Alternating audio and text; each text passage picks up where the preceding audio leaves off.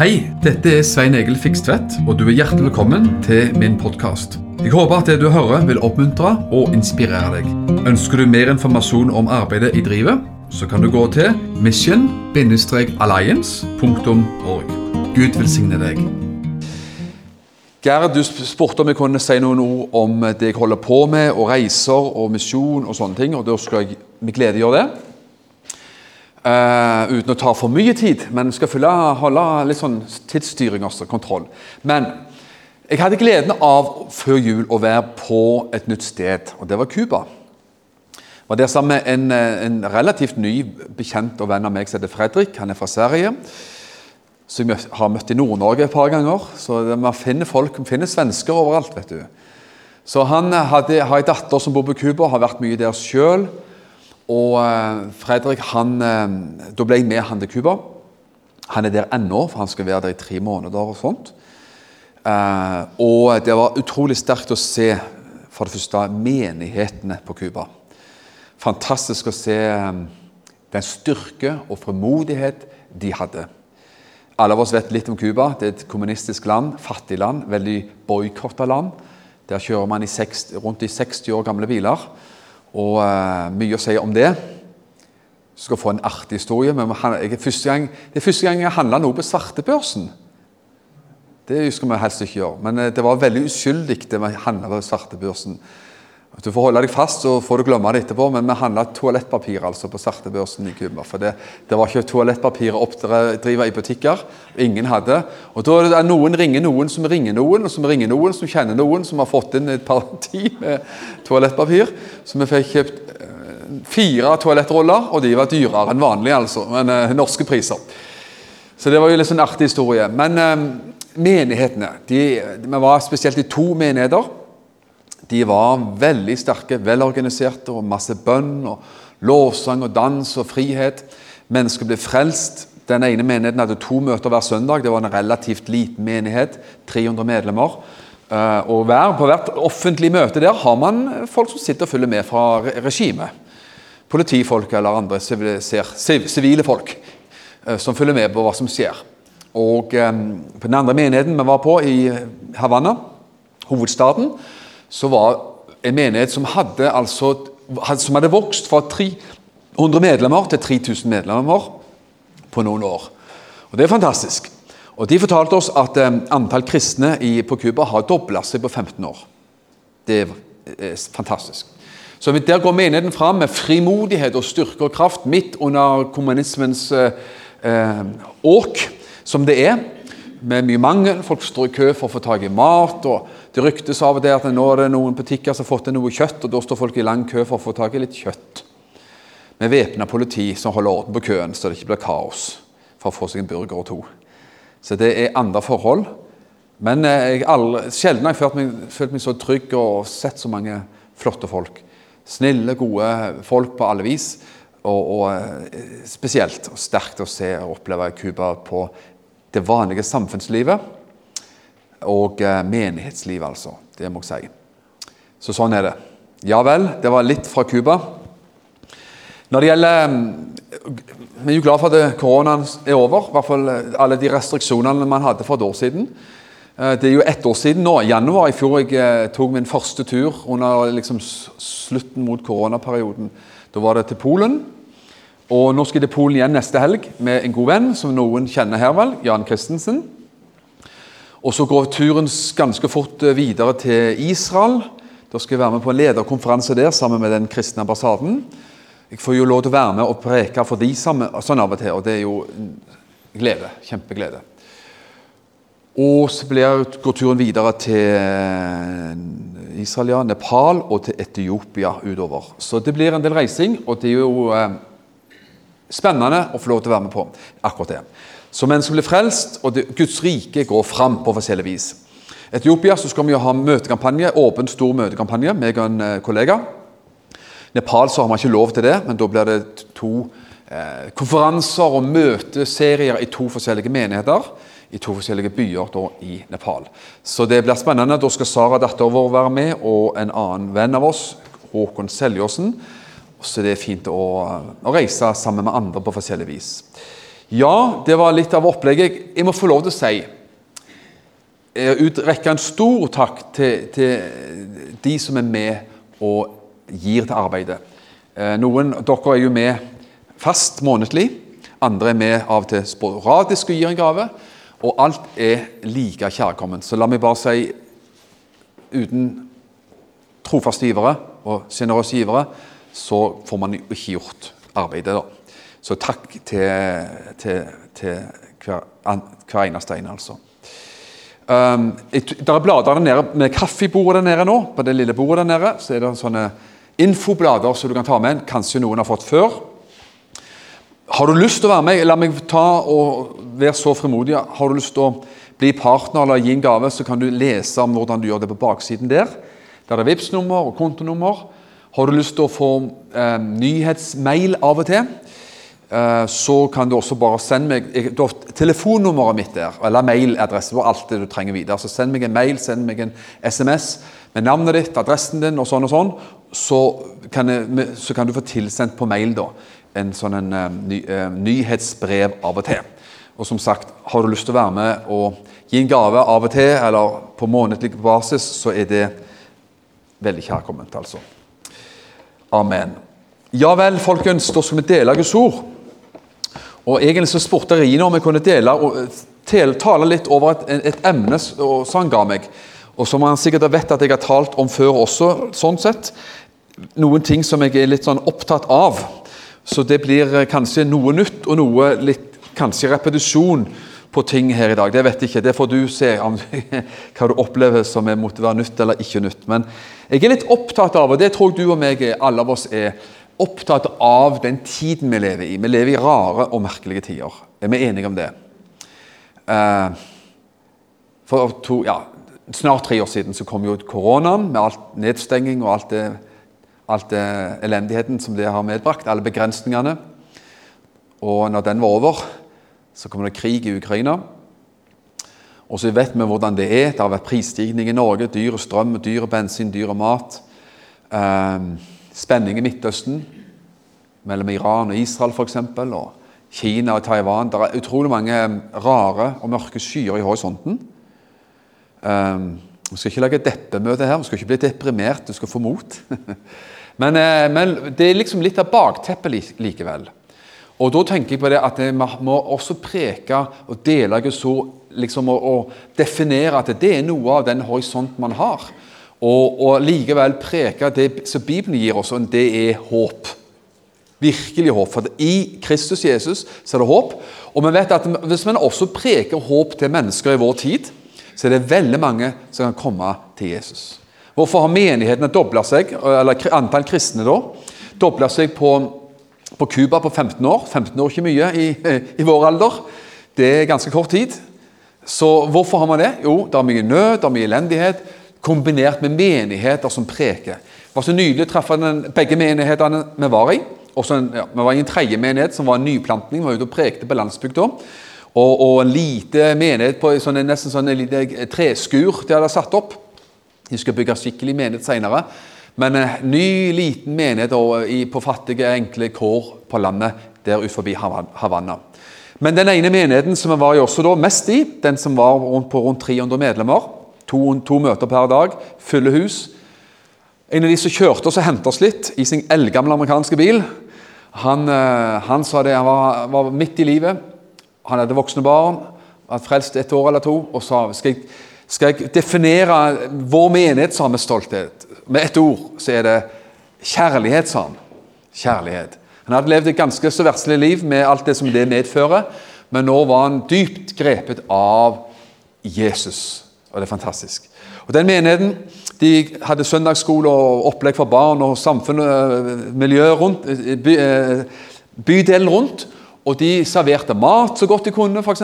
Vi fikk lov til å være med og gi også inn der både mat og gi penger. og Være med å handle inn til et gamlehjem, og vi har fått lov til å gi en del ting der. Og han som er ennå der, Fredrik, han er med også da, og eh, vi klarte å få inn en del penger og tok med oss.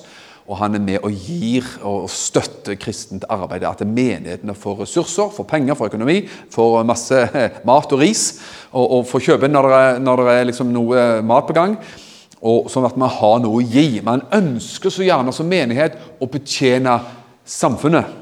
Og det vet jeg jo at denne menigheten er flink på.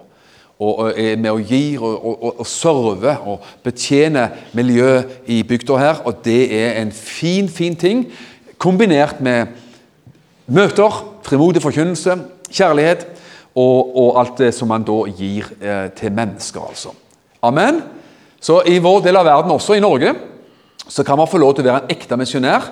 Og Vanlig så har jo noe, eh, tradisjonelt misjonsarbeid handla om på en måte liksom enkelt to ting. Nemlig med, med den ene hånda men, hjelpe mennesker i deres nød. Barnehjem og sykehus og brønnboring og, og, alt man har gjort i tradisjonell misjon for å løfte mennesker på forskjellig vis. Kombinert den andre hånda forkynnelse av evangeliet og bringe mennesker til troen på Kristus Jesus. Og Det er presis egentlig det vi må gjøre i vår tid i Norge. Vi må finne ut hva er våre behov rundt omkring, møte behov, løfte mennesker, holde fram evangeliet og se at menneskeliv blir forandra. Amen. Da skal vi lese et vers. Hebreerne 6 um, skal hoppe, ikke ta, så, uh, ikke ta en lang sammenheng på dette, uh, men, men Hebreerne 6, uh, 19. Hebreerne 6, 19. Dette håpet, sier forfatteren, har vist som et anker for sjelen. Sikkert og fast, som når inn til det indre innenfor forhenget. Dit gikk Jesus inn som forløper for oss. Han er blitt ypperste prest til evig tid etter Melkisedeks ordning, står det. Og Nå skal vi ikke snakke om Melkisedeks ordning, det høres jo kanskje litt komplisert ut allerede der, så det skal vi ikke ta tid på her i dag. Men ta tak i et enkelt, viktig uttrykk, nemlig et sikkert anker for sjelen. Hva tenker du om det? Ikke det høres det greit ut? Et sikkert og trygt og godt anker for sjelen. Du vet hva et anker er? En dregg jeg har en liten dagstursbåt som jeg bruker på sommeren da, av og til. Og Da er det greit å ha en dregg. vet du. Hvis du skal legge inn til et sted i øy eller, eller, eller ankre opp midt ute på vannet en plass, eller hva som helst, så må man ha en dregg som lugger seg fast i bånn. I noe tang og tare eller stein eller noe nedi der. Så, så holder båten fast. Eller så drifter den av gårde med vær og vind og strøm. Vi skal ha et sikkert anker for sjelen. Sjelen vår trenger et anker. Sjelen vår, våre tanker, følelser og alt det som er i sjelslivet, det kan drifte i alle retninger hvis det ikke har et anker. En, en, en festning en plass. Det fester seg. Og Da er det så viktig at det er så mange lærdomsvinder og vær og vind og strømninger i vårt samfunn som gjør at vi kan drifte av gårde til alle kanter hvis vi ikke har en forankring, et anker et sted. Så vi skal snakke litt om dette ankeret, hva det er, og hva det betyr i vår tid. Nå har vi snakket allerede litt om hvordan det ser ut i verden. Vi har snakket om krig i Ukraina, vi har snakket om en del ting hvor det ser ut der ute i horisonten, hvis man også følger med på nyheter. Kanskje ikke du, i verste fall, ikke orker å tenke på så mye av de fæle ting som skjer der ute. For kanskje man føler at man har nok med sitt eget liv hvis man kjemper mot sykdom, hvis man kjemper mot motløshet, hvis man kjemper mot gjerne, eh, strid i familien, eller hva som helst, så kjenner man at eh, jeg orker ikke tenke så mye på Ukraina. Jeg har nok med mitt eget liv, liksom. Eller, begge, eller kanskje man tenker og bekymrer seg for begge deler. Men likevel, enten hvordan man opplever sitt liv og kampene i livet, hvor de finnes, så er det sånn at det, å ha en, en, en, et anker for vår sjel er så viktig. En forankring i vår sjelsliv har kolossalt mye. Og Vi skal snakke som sagt litt om akkurat det der. sånn. Noen har en forankring. Alle søker en forankring. Alle, det ligger i vår, i vår, natur som mennesker at man søker en tilhørighet, en forankring. Noen har forankring i vennskap med venner. Det er en forankring, det er en tilhørighet, det er en styrke. Jeg tror også at man søker en forankring i familierelasjoner naturligvis. Barn og ektefeller og foreldre. og man, søker, man, har en forankring i stedet. Man tobler seg mot noe og, og fortøyer livet sitt med, med, noe eller noen. Andre finner gjerne det å være en del av det norske samfunn. norske sam eh, velferdsstaten. Ikke noe galt med det. Vi bor i blant verdens beste land, så det kan vi være takknemlige for. Men, eh, men du, ha, du, og vi kan ha en sterkere forankring enn bare at vi er forankra i, i, den norske velferdsstaten og Nav. for å si Det sånn. Det fins noe enda bedre, prise Gud, og det er det man har i Kristus Jesus. Hvilken forankring, hvilket anker for vår sjel man har i det som har med Gud å gjøre. Og Da føler jeg meg som en veldig eh, hellig mann som får lov til å preke dette budskapet rundt omkring i verden. Altså, Man får lov til å bringe bud, komme med gledesbud til mennesker innenlands og utenlands, og ha gode nyheter fra himmelen. Og så er det vakkert å se og møte mennesker som har møtt Jesus Kristus som sin Herre og sin Frelser. Jeg leste bare så en nydelig, fin reportasje i en kristen avis her for ikke bare ganske kort tid siden en, en, ung iraner som var blitt frelst etter han kom til Norge. Han, og Det skjedde så enkelt at han hadde tydeligvis vært i litt sånn teologisk diskusjon, trossamtaler med noen kolleger. Han jobbet på Bø, Sommerland i Bø i Telemark. Og så klagde han på at han hadde veldig vondt i kjeven eller munnen. eller hva det var for noe opplegg. Og så var det en av kollegaene, og jeg tror det var sjefen også, som ba for ham.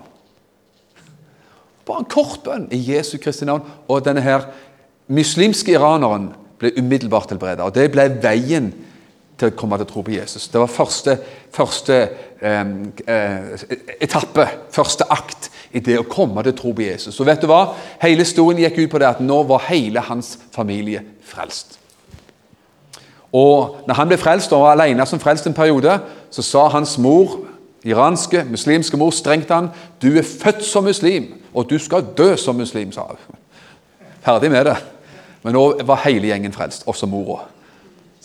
Og ikke, Som ikke det var nok, så er også han karen her pastor i dag. Priser Gud. Så Gud vet å nå mennesker, og derfor er det så viktig at vi når, med når mennesker med å legge hendene på mennesker, be for mennesker, løfte mennesker. Demonstrere evangeliet for mennesker.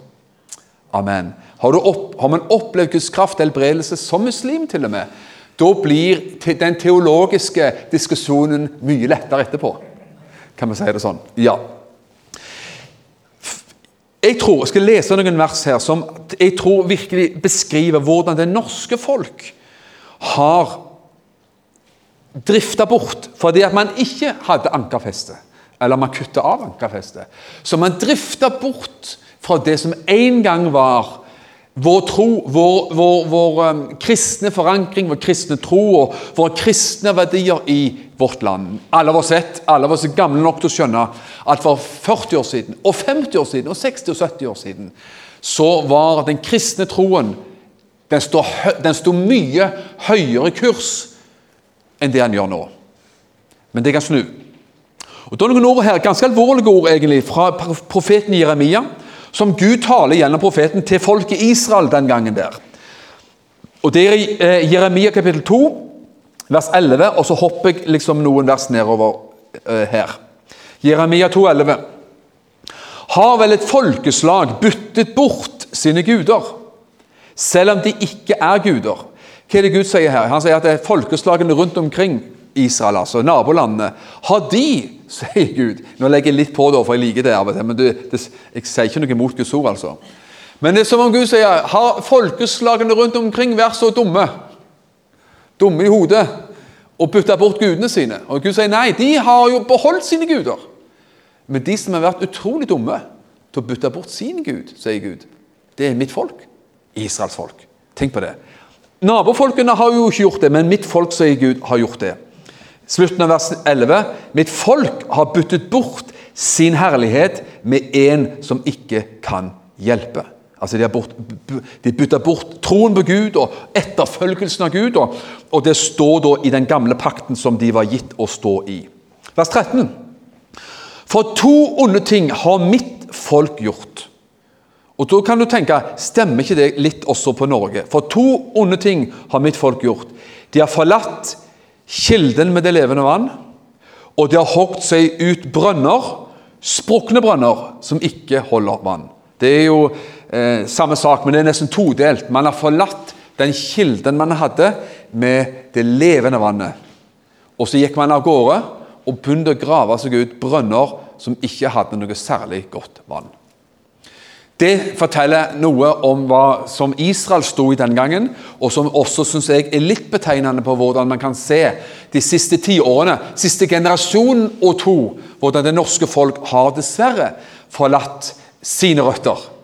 Kuttet av forankringen og drifte av gårde bort fra sin tro og sine verdier.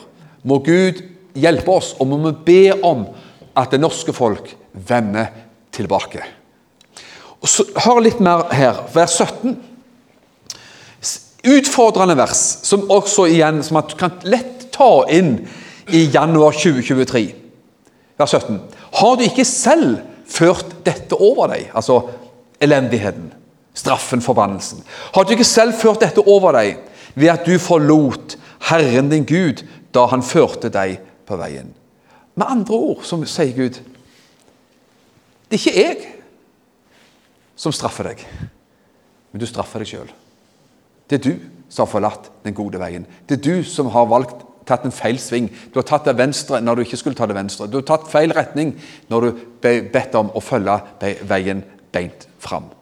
Så Veldig ofte så liker det noe i oss at vi sier at vi skylder på Gud. Av og til sier vi at Gud straffer, og oppgjørets time kommer. Det fins frelse, det fins fortapelse. Dommens dag kommer. Den er det ingen som sådan slipper unna. Men underveis i dette livet, når vi nå lever i nådens tid, så tror jeg det mest av alt sånn at når vi, vi, vi straffer oss sjøl. Altså, vi høster det vi sår, og vi tar dumme valg, og så, så, så, høster man ut av det. Det står et ordspråk, jeg bare vet ikke hvor, for jeg, har, jeg, tar, det på, jeg tar, det spontant, så jeg har ikke funnet det fram. Ransakende ordspråk i ordspråksboken. Mannens dårskap ødelegger hans vei. Mannens dumhet, med andre ord, ødelegger hans vei. Men i hans hjerte er han bitter på Herren, står det. Tenk på det. Vår dumhet, min eller din? Dumhet, er det noen som har gjort dumme ting noen gang, eller er det bare meg? Vår dumhet kan ødelegge for oss, men så ligger det av og til i vår kjølige natur å skylde på noe utenom oss sjøl. Det var ikke min feil for alt i verden. Jeg må jo skylde på han der oppe men det duger dårlig. Her sier profeten at eh, egen, eh, du har ført dette over deg selv ved at du forlot Herren Gud. Vers 19. Din egen ondskap skal tykte deg. Så ikke det Gud skal tykte deg engang. Vår dumskap, vår dårskap, vårt frafall, vårt dumme valg av og til tykte oss, og dine frafall skal straffe deg, står det. Kjenn derfor og innse at det er ondt og bittert at du har forlatt Herren din Gud, at du ikke har frykt for meg, sier Herren, herskernes Gud. Dette ordet sier jeg liksom litt sånn på alvor, og jeg tror at du og meg er jo Guds barn. Vi er frelst, og jeg tror at vi lever solid under Guds nåde, så ikke misforstå. Men det er likevel et ord som passer på en måte over det norske folk. Når man ser da på noen tiår hvordan man har drifta bort fra veien som man levde på før. Det betyr at Norge som sådan kan komme tilbake igjen til Gud. Vi snakker om å ha et trygt og sikkert anker for sjelen her i dag. At det er en forankring i en vanskelig tid. Derfor har vi kalt budskapet her i dag 'et solid ankerfeste i en vanskelig tid'. Vi skal ha, og vi kan ha, et solid venner, ankerfeste i en vanskelig tid. La meg nå ta deg med gjennom fire, og skal være ganske kort også, fire punkter jeg, som jeg mener er virkelig sånne punkter for og det å forankre, eh, forankringspunkter. Det med altså forankre og finne ankerfeste for sjelen vår. Sjelsanker i fire ting her sånn. Nummer én Det burde si seg sjøl, men det, det, er verdt å si. Nummer én det er Jesu Kristi forsoningsverk, naturligvis. At vi alltid og solid forankra i hva Jesus har gjort på Golgata kors. Det, det, har alt å si. Og Bibelen er jo selvfølgelig Det vet vi. Det er Bibelens kjernebudskap. Det er midtpunktet. Korset og budskapet om korset det er historiens midtpunkt. Det er teologiens midtpunkt, det er Bibelens midtpunkt, det er alskens midtpunkt, altså. Hva Jesus har gjort. Og Da eh, skal vi bare lese noen få vers, for vi kunne jo lest 20 vers på det. Det skal vi ikke ta tid til å gjøre. 2. Korinterbrev 5, 18 og noen vers. 2. Korinterbrev 5, 18. Men alt dette er av Gud. Han som forsonte oss med seg selv ved Jesus Kristus og ga oss forsoningens tjeneste.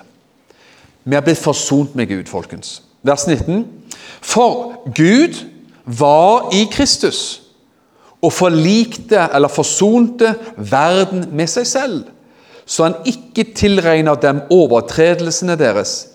Og han har, han har lagt forsoningens ord ned i oss.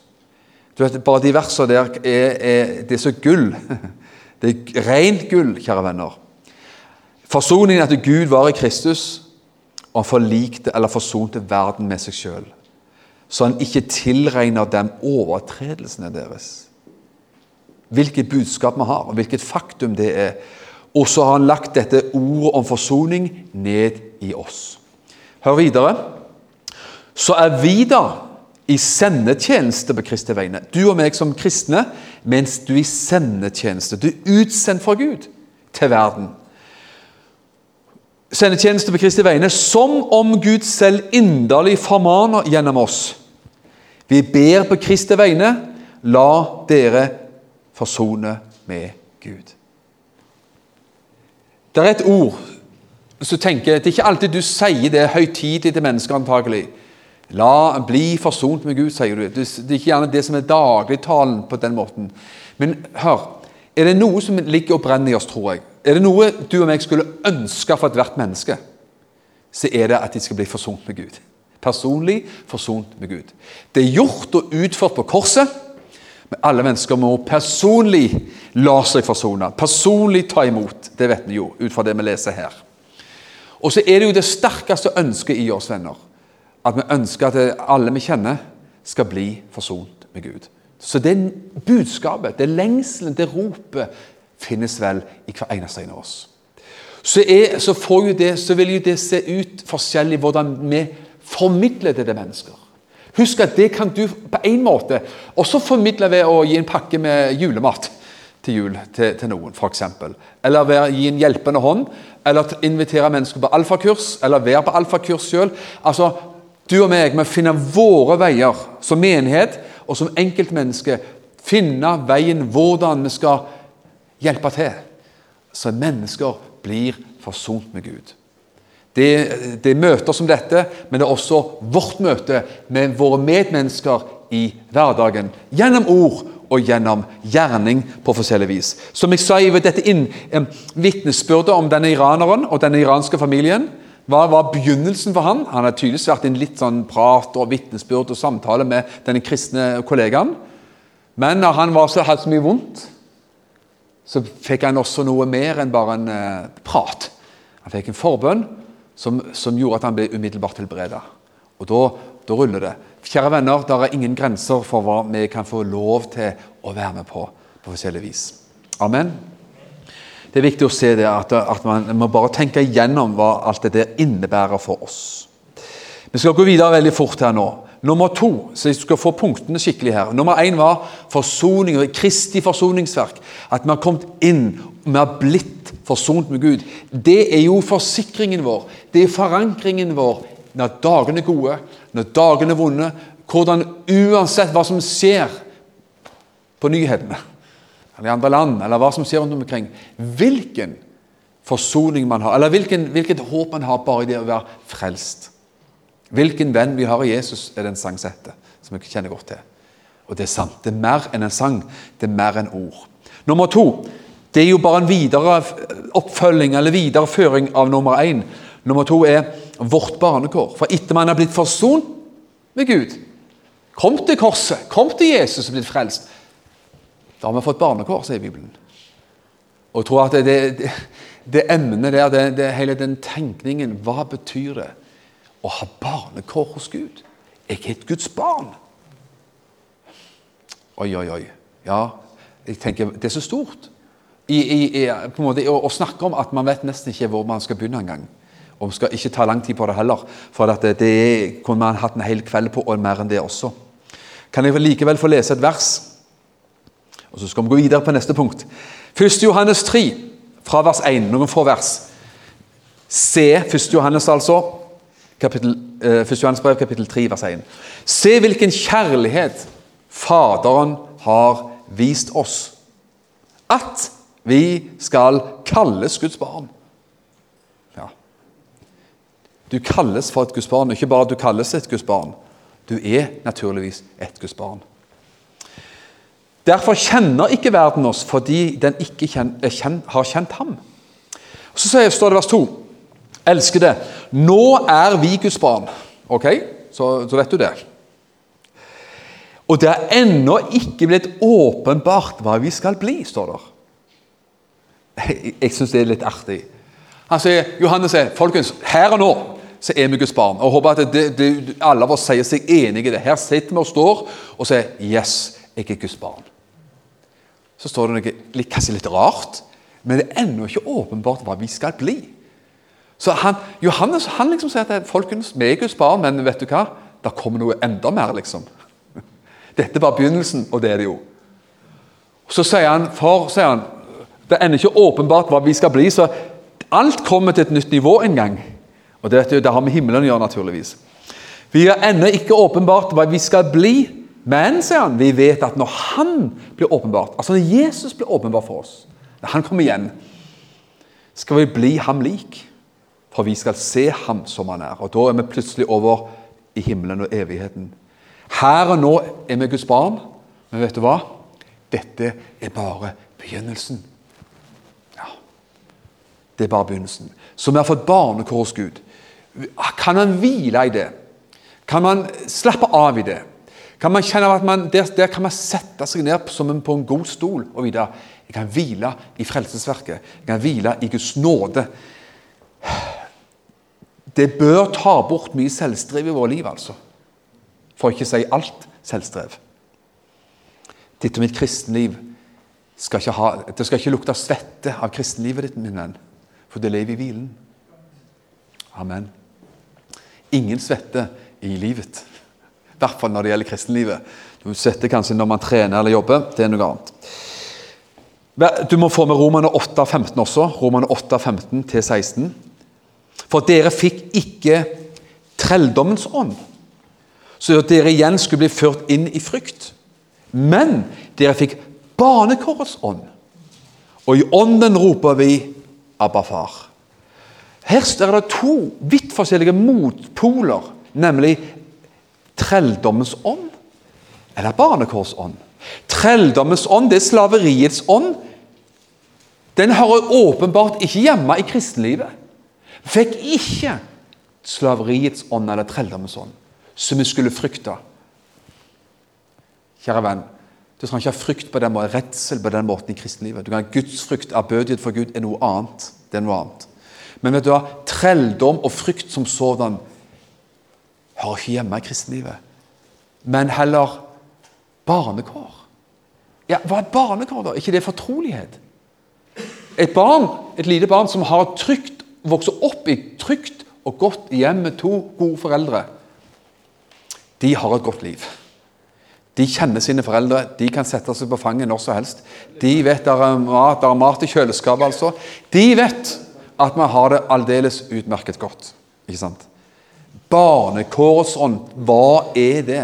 Det er fortrolighet, det er trygghet, det er omsorg. Mm. Det er barnekåret hos Gud. Vi må gå videre. Nummer tre, og nå snakker vi igjen, altså bare gjenta det, vi snakker om dette ankerfestet for vår sjel. Når dagene er gode, og når dagene ikke er gode. For vi opplever alle sammen gode dager, onde dager. Bibelen er ærlig på det. Vi opplever gode omstendigheter, vi opplever også vonde og vanskelige omstendigheter. Nummer tre de helliges samfunn. De helliges samfunn. Jeg har lyst til å si det sånn at vet, i krisetider så blir det å komme nærmere hverandre det blir bare enda viktigere. Også i vårt vanlige liv, enten som kristne eller ikke-kristne. Vis meg et menneske som opplever tap i livet, en krise i livet. Man trekkes nærmere sin familie. Man kommer, trenger komme nærmere sine venner. Man, trenger å, man, man, man, føler nærhet. Når noen har gått bort i en familie, de som blir igjen, de kommer nærmere hverandre vanligvis. Det er noe i oss som gjør at man kommer sammen. i krig, Ukraina f.eks. Man kommer nærmere hverandre. Man har en felles fiende, felles utfordring. Man legger ned smålige diskusjoner og, og krangler og skjønner at det handler om å overleve sammen. Enten som nasjon eller oss som enkeltmennesker. Ja visst. Nå skal vi lese videre. Apostelens gjerninger, kapittel 4, vers 18. Og skal du se her hva som skjedde. Skal du få tak i et uttrykk her. sånn, Apostelens gjerninger 4, 18. Så kalte de på dem og bød dem at de ikke i det hele tatt skulle tale eller undervise i Jesu navn. Peter og Johannes og de første apostlene fikk forbud mot å tale i Jesu navn. Forbud. Og vet du hva, folkens? Den type politikk kryper nærmere og nærmere våre kyster. Det gjør det, altså. Beklager å si det. Eh, I vår vestlige verden, demokratiske verden, som man trodde var full av frihet og rettigheter, det er under antigrep i vår tid. Ja. Hos oss i Norge og andre land i Vesten. Nok om det. Vi kan godt være godt mot. Det finnes folk som har gått foran oss, som har opplevd det samme. Men vi, vi vil kjempe for vår frihet. Nok om det. Og så skal vi se De fikk altså forbud mot å tale i Jesu Kristi navn. La oss gå, hoppe litt ned for tidens skyld, vers 23. Det hadde vært i forhør, og så står det da Da de nå var løslatt, og derfor forbud mot å forkynne, så står det noe nydelig. Så gikk de til sine egne, står det, Og fortalte hva som hadde skjedd, om forbudet. Og så ba de til Gud. Men jeg har lyst til å stresse eller bare sette fokus på dette uttrykket. De hørte en fikk en dårlig nyhet. De fikk forbud å, mot å forkynne evangeliet. Og så gikk de til sine egne. Og Da har jeg lyst til å bare ransage, stille det ransakende spørsmålet til alle av oss. Og Da spør jeg deg, og spør meg Hvem er dine egne? Skal jeg spørre på en annen måte Hvem, hvem er pastoren din? Hvor, hva er adressen til menigheten din?